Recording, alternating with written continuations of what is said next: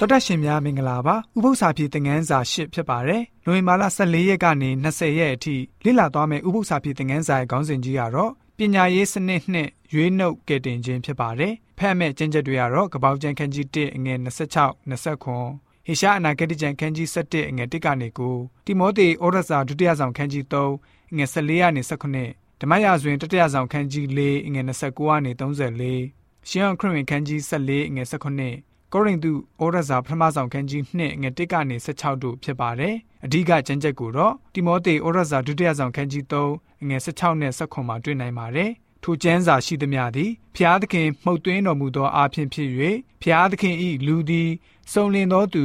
ကောင်းသောအမှုအမျိုးမျိုးတို့ကိုပြုစုခြင်းအလို့ငါပြင်ဆင်သောသူဖြစ်မိအကြောင်းဩဝါဒပေးခြင်းအပြစ်ကိုဖော်ပြခြင်းဖြောင့်မတ်စွာပြုပြင်ခြင်း တရားကိုတွင်တင်ခြင်းကျေးဇူးများကိုပြုတတ်၏ဆိုပြီးတော့ဖော်ပြထားပါတယ်။တမန်ကျမ်းဟာထာဝရဘုရားနဲ့လူမျိုးတွေရဲ့အကြောင်းကိုရေးသားထားပါတယ်။ရဖန်ရခါအချစ်ဆက်လန်းတဲ့ဖွဲ့ရေးဖွဲ့တီးကုန်းထားပါသေးတယ်။ဖခင်ကိုတော်လန်တဲ့သားသမီးတွေဇလန်းကိုလည်းပဲရေးဖွဲ့ထားသေးပါတယ်။သို့တော့အခုတစ်ပတ်သင်ခန်းစာရဲ့ရွေချက်ကတော့အခြားသောအကြောင်းအရာတစ်ခုကိုတမန်ကျမ်းစာမှာတွေ့မြင်ရပါမယ်။အဲ့ဒီအကြောင်းအရာကတော့ဆရာနဲ့တပည့်တွေရဲ့အကြောင်းပဲဖြစ်ပါတယ်။ ကျောင်းသားတပည့်တွေဟာစာမိုးပွဲဖြေဆိုတိုင်းကြရှုံးတော်လဲပဲဆရာကနေပြန်ပြီးတော့သင်ခန်းစာကိုသင်ကြားပေးနေတဲ့အကြောင်းနောက်ဆုံးစာကိုနားလည်ရရှိတဲ့အထိစိတ်ရှည်စွာသင်ကြားပေးနေတယ်ဆိုတာကိုတွေ့ရပါတယ်။တမန်ကျမ်းစာကအကြောင်းအရာတွေဟာကျွန်တော်တို့လူသားတွေဖြစ်ပျက်နေတဲ့အကြောင်းအရာတွေနဲ့မတူပါဘူး။ထာဝရဘုရားရှင်နဲ့မိမိရဲ့လူမျိုးတွေရဲ့အကြောင်းအရာကိုကြည့်လိုက်တဲ့အခါမှာအကောင်းနဲ့အဆုံးသက်သွားတာတွေ့ရပါတယ်